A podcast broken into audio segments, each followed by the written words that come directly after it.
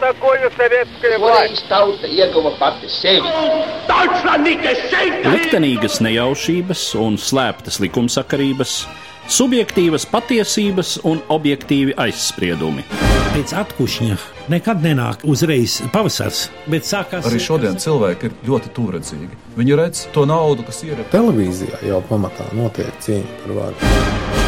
Pagātne no šodienas skatu punkta un šodienas caur pagātnes prizmu. Raidījumā šīs dienas acīm. Katru svētdienu Latvijas radio eterā Eduards Liniņš. Labdien, cienījamie klausītāji! 1918. gada 30. janvārī pulcējušies Petrogradā Latviešu pagaidu Nacionālās padomas pārstāvji pieņēma savā darbībā otro deklarāciju. Pirmo reizi tieši sakot, ka Latvijai ir jābūt neatkarīgai demokrātiskai republikai. Par Latviešu pagaidu Nacionālās padomas darbību 1918. gada pirmajā pusē mūsu šodienas saruna un mans sarunbiedrs, kara muzeja vēsturnieks Jānis Tomaševskis. Labdien! Labdien!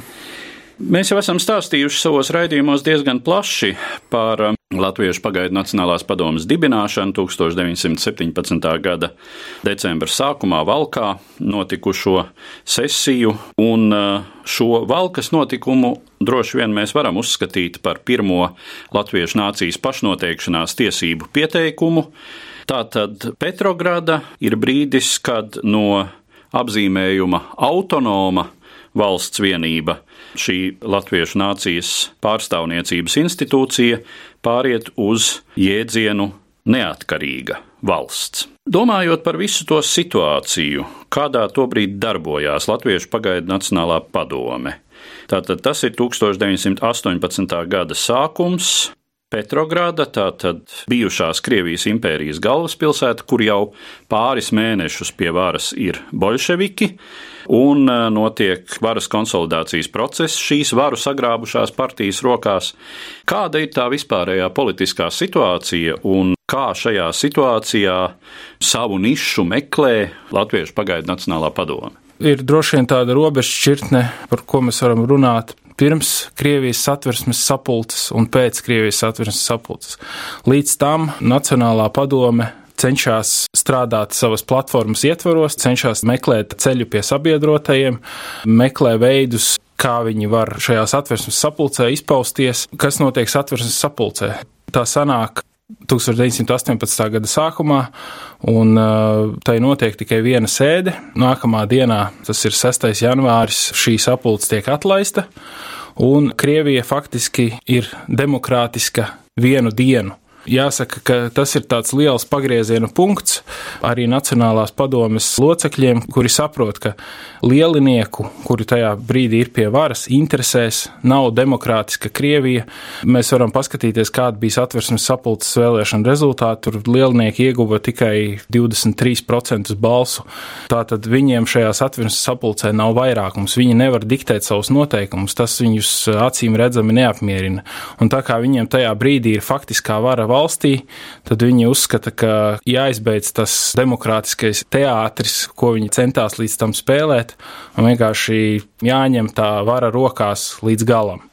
Un šajā brīdī arī Nacionālā padome, kurai pirms tam bija cerības, ka Krievijas Federatīvā republika varētu dot latviešiem politisku autonomiju, izplēna Nacionālās padomes locekļi savā otrajā sesijā jau ļoti pārliecinoši spēr soli pilnīgas patstāvības virzienā, jo viņi vienkārši neredz vairs cita ceļa, kuru iet. Krievijas satversmes sapulces šī vienīgā sēde, starp citu, ir iezīmīga arī ar vēl vienu latviešu nācijas pašnoteikšanās procesam būtisku momentu, ka satversmes sapulces deputāts un uh, Latviešu pagaidu Nacionālās padomas dalībnieks Jānis Goldmanis uzstājoties deklarē, ka Latvijas jautājums nav Krievijas iekšēja, bet gan starptautiska lieta. Tā arī ir ļoti svarīga deklarācija, bet, nu jā, kā zināms, Pirmās dienas vēlā naktas stundā kāds no sardzes matrožiem paziņo, ka sardze ir nogurusi, kungi, dodieties mājās, un nākamajā dienā satversmes sapulces deputāti atrod ēku slēgtu, un šī sapulce tiek padzīta ar brutālu militāru varu. Mēs zinām, ka jau no paša sākuma Latviešu pagaidu Nacionālās padomes attiecības ar bolševiku varu, kura padomjas sanākšanas brīdī valkā ir teju teju nākusi pie varas Petrogradā, un tā ir pie varas arī vidzemē, kas faktiski tajā brīdī ir viens no bolševisma tādiem stingrākajiem atbalsta centriem tā laika Krievijā, tad šīs attiecības jau no paša sākuma ir diezgan saspīlētas. Kāda situācija ir tajā brīdī, kad Latviešu pagaidu Nacionālās padomes locekļi pulcējas Petrogradā, kopš valkas pagājuši nepilni divi mēneši, kādas tajā brīdī ir viņu attiecības ar pie varas esošajiem bolševikiem? Vidzemē tobrīd nekādu legālu iespēju darboties Nacionālajai padomē nav. Jau decembra sākumā tiek slēgti Nacionālajai padomē pietuvinātie laikraksti, līdums, laika vēstis, kas vēlāk iznāca ar citiem nosaukumiem, bet katrā ziņā līdz 17. gada beigām šie laikraksti ir slēgti. Pēc jaunā stila 1. janvārī tiek aizliegta arī Nacionālās padomjas darbība. Līdz ar to viņiem faktiski ir aizvērti visi rupori, caur kuriem viņi var uzrunāt sabiedrību gan vidzemē, gan arī eh, plašajā Krievijā. Te ir zīmīgi Kristapa Bahmaņa piezīmēs rakstītie apraksti, kā viņš redz valku, kad viņš ierodas 18. gada pašā sākumā uz valdes sēdi valkā. Un viņš saka, ka tur ir tāds kara un lieliniecisma juceklis, latviešu strēlnieki staigā pa staciju, krata vagonus, gandrīz vai komendanta stunda valkā ir iestājusies, ka nekādas brīvas izpausmes iespējas nav, un līdz ar to Nacionālās padomes valdē, kas darbojas valkā tajā brīdī, ir ļoti grūti izpausties, sazināties ar nodaļām, ar ārlietu nodaļu, kas darbojas Petrogradā. Lai arī, protams, mēs nevaram teikt, ka tā bija absolūta stingra kontrole, protams, joprojām darbojās darbojās pasts, joprojām darbojās arī satiksme, bet var teikt, ka tās iespējas Nacionālās padomjas darbību realizēt bija arvien mazākas. Tas ir jāsaprot, acīm redzot, ka jautājot no šodienas viedokļa, varbūt nezinātājiem jautājot, nu kāpēc Petrograda, kāpēc ne Valka vai tobrīd vēl Valmiera, kas arī ir vēl vācu neieņemtajā teritorijā, tad tieši tāpēc, ka Latvijā, kur pie varas ir vietējie latviešu lielinieki. Viņu uzmanība, protams, uz Latviešu pagaidu Nacionālo padomi ir īpaši sāsināta kā uz saviem tiešiem politiskiem konkurentiem. Savukārt eh, visas lielās Krievijas centrā, kur ir neskaitāmas citas problēmas, tendences jaunajai bolševiku varai, ir gana daudz citā, ar ko nodarboties. Tāda latviešu sanākšana var vairāk vai mazāk palikt maz pamanīta. Mm. Tur, teiksim, to konspirāciju ir vieglāk uzturēt. Piekrītu, tas arī bija faktiski galvenais iemesls, kādēļ uh, otrā sesija notika Petrogradā. Galu galā Petrogradā joprojām strādāja lielākā daļa no Nacionālās padomas galvenajiem darbiniekiem. Ārlietu nodaļa, kas bija galvenā, darbojās Petrogradā. Viņa centās panākt audiences pie ārvalstu diplomātiem, teikt latviešu prasības un tam līdzīgi. Protams, Petrograda kā tāda liela pilsēta, kurā tiešām gan te telpas varēja atrast, gan arī, kā jūs pareizi minējāt, ka nu, vienkārši ievērot kaut vai piesardzīgu, bet konspirāciju, kur noturēt šīs sēdes. Protams, nebija tik viegli atrast šīs telpas, bet, teiksim, 18. gada sākums tomēr vēl bija pietiekami brīvs tādā izpausmē, kur sanākt konfidenciāli un runāt par latviešiem svarīgajām lietām. Jā, jo saprotot reālo situāciju, bolševiku varai jau pagāja krietns laiks, kamēr tā šo represīvo un izsakošanas sistēmu nostabilizēja. Nu, nevajag jau iedomāties, ka Čeka, bēdīgi slavenā, kas kļuva par eh, bolševiku kontrolas orgānu, ka tā uzreiz sāka darboties ar pilnu jaudu. Arī bolševiki sākotnēji spēlēja zināmā mērā tomēr tādu demokrātijas spēlīti vai neizrādīja visu savu varas brutalitāti Lai gan no otras puses, arī šais bolševiku represīvajās struktūrās diezgan ātri saprata, kuri varētu būt latviešu nacionālo centienu paudēji arī Petrogradā, un atsevišķi gadījumi, kad tika uz laiku aizturēti un pratināti. Nu, jā, ir zināms no ārlietu nodaļas protokoliem, ka, piemēram, Jānis Goldmanis bijis izsaukts, pratināts, bija vēl vairāk, kas tika pratināti. Par laimi pie viņiem neatrada nekādus svarīgus dokumentus. Viņi tādā ziņā bija pietiekami piesardzīgi. Un, acīm redzot, Jānis Goldmanis, kurš tomēr Petrogradas politiskajās aprindās gan pirms, gan pēc apvērsuma bija tomēr pietiekami tāds ietekmīgs. Un, acīm redzot, viņu baidījās tā vienkārši novākt no ceļa un varbūt arī viņu joprojām šos nacionālos darbiniekus, šajā gadījumā latviešu darbiniekus, varbūt neuzskatīja par tādu ļoti lielu šķērsli lielinieku varas īstenošanai vai mērķu sasniegšanai. Un, ja mēs pievēršamies otrai sesijai, kas notika Petrogradā 1918. gada janvāra beigās, tad šī deklarācija pauda to, ka Latvijai jābūt neatkarīgai demokrātiskai republikai. Kā jau var redzēt no šī teikuma, tā ir vēlējuma izteikta, tā nav faktiska neatkarība, jo galu galā kuram tad pieder vara. Šiem latviešu demokrātiskajiem pilsoniskajiem spēkiem nav nekādu iespēju šo varu realizēt, un šo deklarāciju tobrīd tikai deklarē savā starpā, to nepublicē Krievu laikrakstos, to iekļauj tikai dažādos biļetenos un brošūrās, kas paredzētas ir rietumu valstu pārstāvjiem. Viņi baidās, ka lielnieki uzzinot, ka ir šāda deklarācija, ka ir šādi darbinieki, kas kaut kur darbojās tepat mūsu pilsētā. Iespējams, ka ja šādas deklarācijas būtu pasludinātas laikrakstos, tad iespējams, ka šie darbinieki būtu arestēti. Un tas maksātu ļoti sāpīgi, jo cik tad bija latviešiem tie pilsoniskie politiķi, kuri bija tik drosmīgi, lai turpinātu šo darbu, un ja viņi būtu arestēti, es neticu, ka nāktu vēl nākamais un nākamais vilnis, kas tagad ieņemtu viņu vietas un turpinātu šo darbu.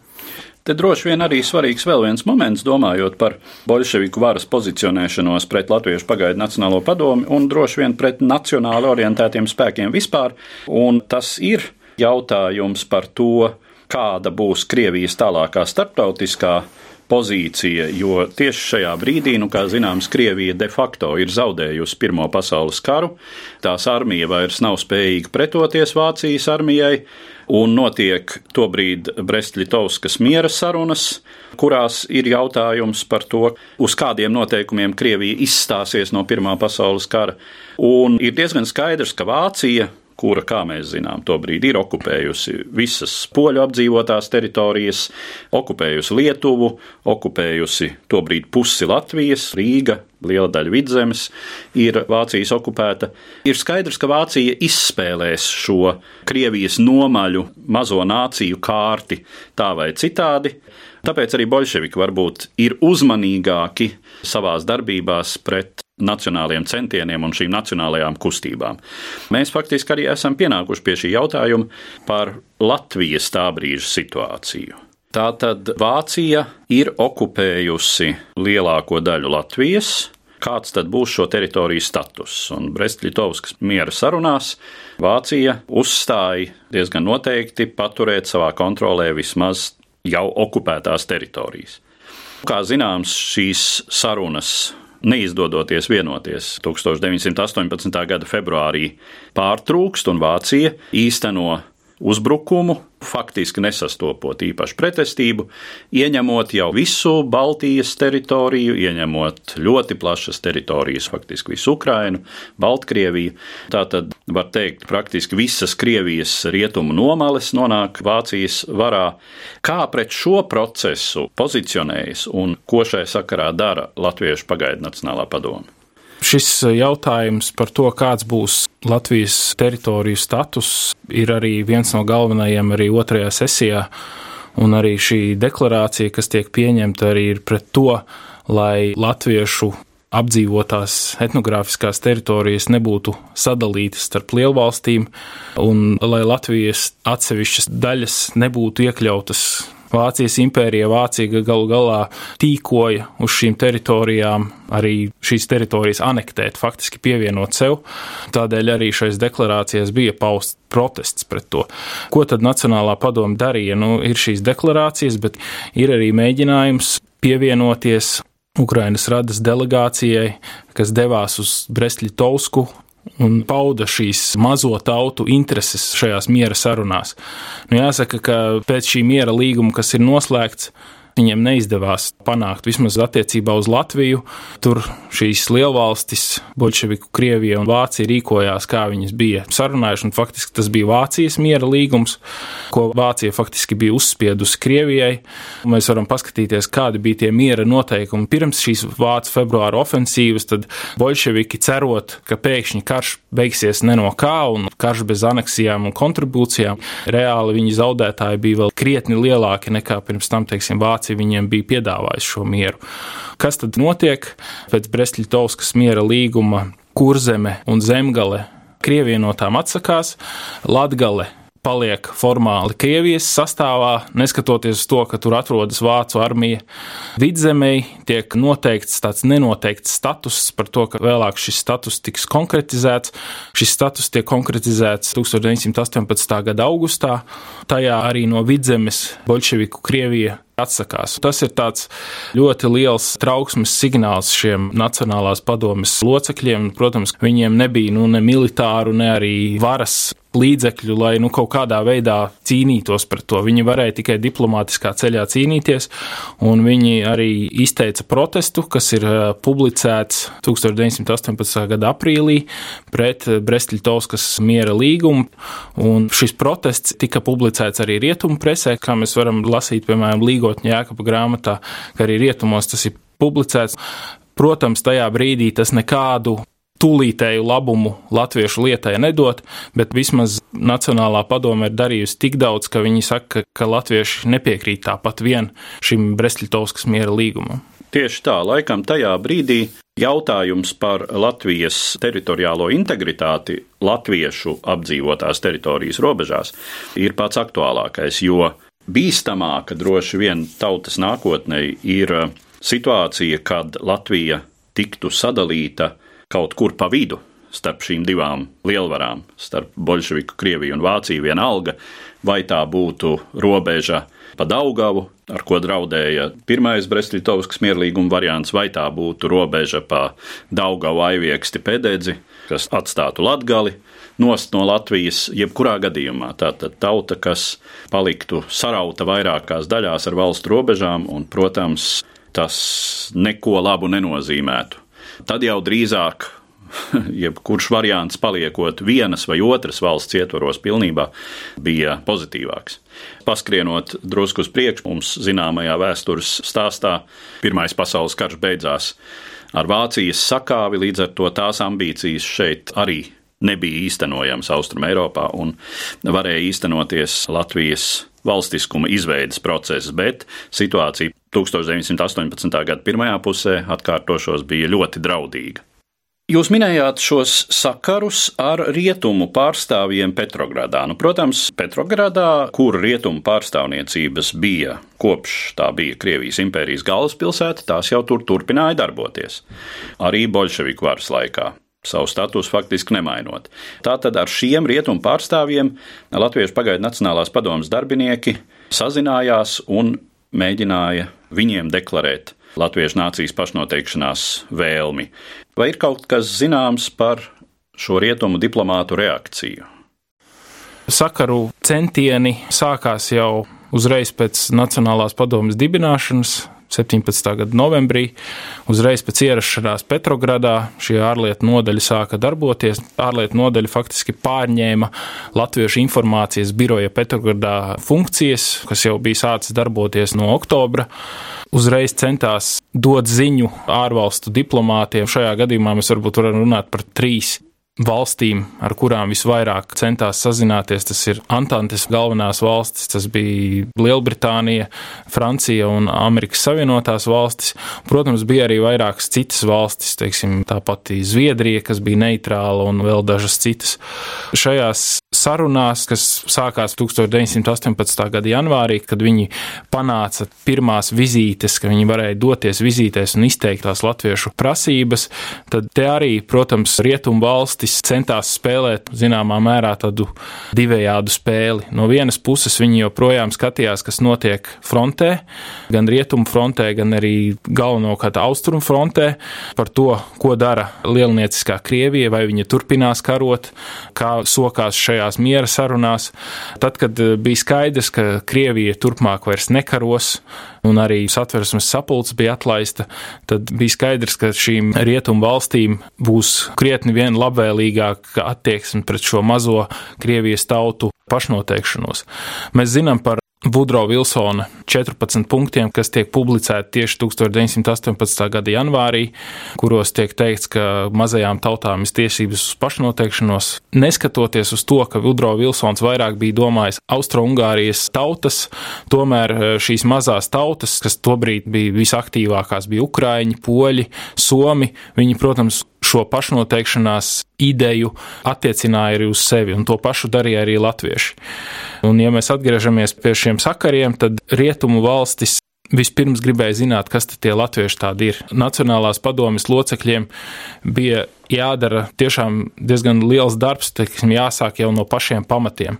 Kas ir latvieši, kāda ir to vēsture, kāda ir to saimnieciskā attīstība, kāda ir to intelektuālā attīstība, izglītības līmenis un tam līdzīgi. Jo šiem rietumvalstu diplomātiem, lai arī, protams, diplomāti ir informēti, bet tomēr līdz tam viņi Krieviju uztvēra kā diezgan tādu viengabalainu tautas masu, un šo mazo tautu atsevišķās vēstures eh, viņiem nebija zināmas. Tādēļ latviešiem, pirms viņi sāka deklarēt kaut kādas savas prasības, viņiem bija jāiepazīstina ar sevi un jāpierāda, ka latvieši šīs pašnoteikšanās tiesības vispār ir pelnījuši.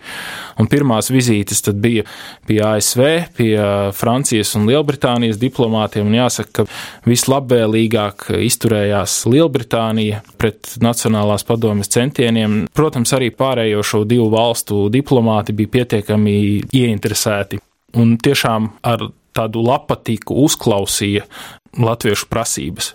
Vēlreiz atkārtojoties, rietumu diplomāti ļoti, protams, sekoja tam, kas notiek Vācijas un Krievijas sarunās Brest-Litovskā, un jo izplēnēja cerības par to, ka Krievija varētu kaut kādā veidā atjaunot kara darbību pret Vāciju, turpināt karot kā šo rietumvalstu sabiedrotā, jo šo rietumvalstu attieksme pret Ļeņina valdību kļuva vēsāka, rezervētāka un attiecīgi vairāk labvēlības pret Krievijas bijušo mazo tautu neatkarības centieniem. Vēl ir droši vien jāatzīmē tas faktors, ka Krievijā tobrīd ir krietni vairāk latviešu nekā jebkad citkārt vēsturē. Tātad Krievija ir, var teikt, pilna ar latviešu bēgļiem, tur viņu ir vairāki simti tūkstošu, un jautājums ir, kā Latviešu pagaidu Nacionālā padome darbojās šais bēgļu organizācijās, kas pastāv jau labu laiku, šis bēgļu atbalsta uzturēšanas biedrību tīkls. Kāda bija šī saziņa ar, ar lielākajiem latviešu bēgļu centriem Krievijā? Šī saziņa sākas jau uzreiz pēc Nacionālās padomjas dibināšanas, un bēgļu centros un kolonistu centros nonāk eh, Nacionālās padomjas uzsaukumi un deklarācijas visiem latviešiem, kas tika izplatīts gan laikrakstos, gan arī skrejlapas formātā izsūtīts uz bēgļu centriem. Un to, ko mēs varam lasīt no Nacionālās padomjas valdes un nodaļas sēžu protokoliem, ka šī atsaucība un var pat teikt sajūsma par to, ka latvieši ir apvienojušies un ka latviešiem tagad ir sava pārstāvniecība, ir diezgan liela. Līgotņa jēkaba grāmatā Latvijas valsts dibināšana ir publicēta vairāk nekā 40 vēstules ziņas no šīm kolonistu centriem. Nu, tur nav tikai atsevišķi privātpersoni, tur ir UFAS latviešu biedrības vēstule, tad Permas latvieši ir apvienojušies un grib dibināt savu Nacionālās padomes nodaļu. Protams, tas tas viss ir diezgan stihiski un varbūt arī haotiski tajā brīdī, jo nav Nacionālajai padomē tādu iespēju nodibināt vispārēju organizāciju, kas tagad sazinātos, nu, tā kā telefona centrālas sistēma. Tur vairāk ir tādi atsevišķi uzliesmojumi un atsevišķas iniciatīvas, kas šajā gadījumā strādā. Ja mēs runājam vēl par pašiem bēgļiem un kolonistiem, ko tad Nacionālā padome gribēja, viņi gribēja, lai šie bēgļi un kolonisti neizklīst pa plašo Krieviņu, lai viņi saglabā savus centrus. Nacionālā padome jau savā pirmajā sesijā jau runā par to, ka vajadzīga bēgļu anketēšana, ka jānoskaidro, cik tad latvieši tur ir, cik ir gatavi atgriezties. Protams, šis atgriešanās jautājums arī ir, ir tas, uz ko Nacionālā padome jau sākotnēji cenšas strādāt. Viņi grib panākt, lai latvieši nepaliek Krievijā, Protams, daudz vēlāk arī palika, viņiem jau tur bija iedzīvojušies, bet viņi cenšas panākt, lai šie latviešu bēgļi atgriežas. Un šādas reālas iespējas to sākt darīt bija pēc Brestļitovskas miera līguma kura viens no punktiem paredzēja, ka bēgļi var atgriezties savās dzīvesvietās. Protams, tur bija dažādi šķēršļi, gan lielinieku iestādes lika šķēršļus, gan vācu vara lika šķēršļus, pieprasot, ka bēgļiem jābūt ir vismaz diviem galvotājiem Latvijā dzīvojošiem, kuri varētu pateikt, ka viņš tiešām te ir dzīvojis un ka viņš te var atgriezties.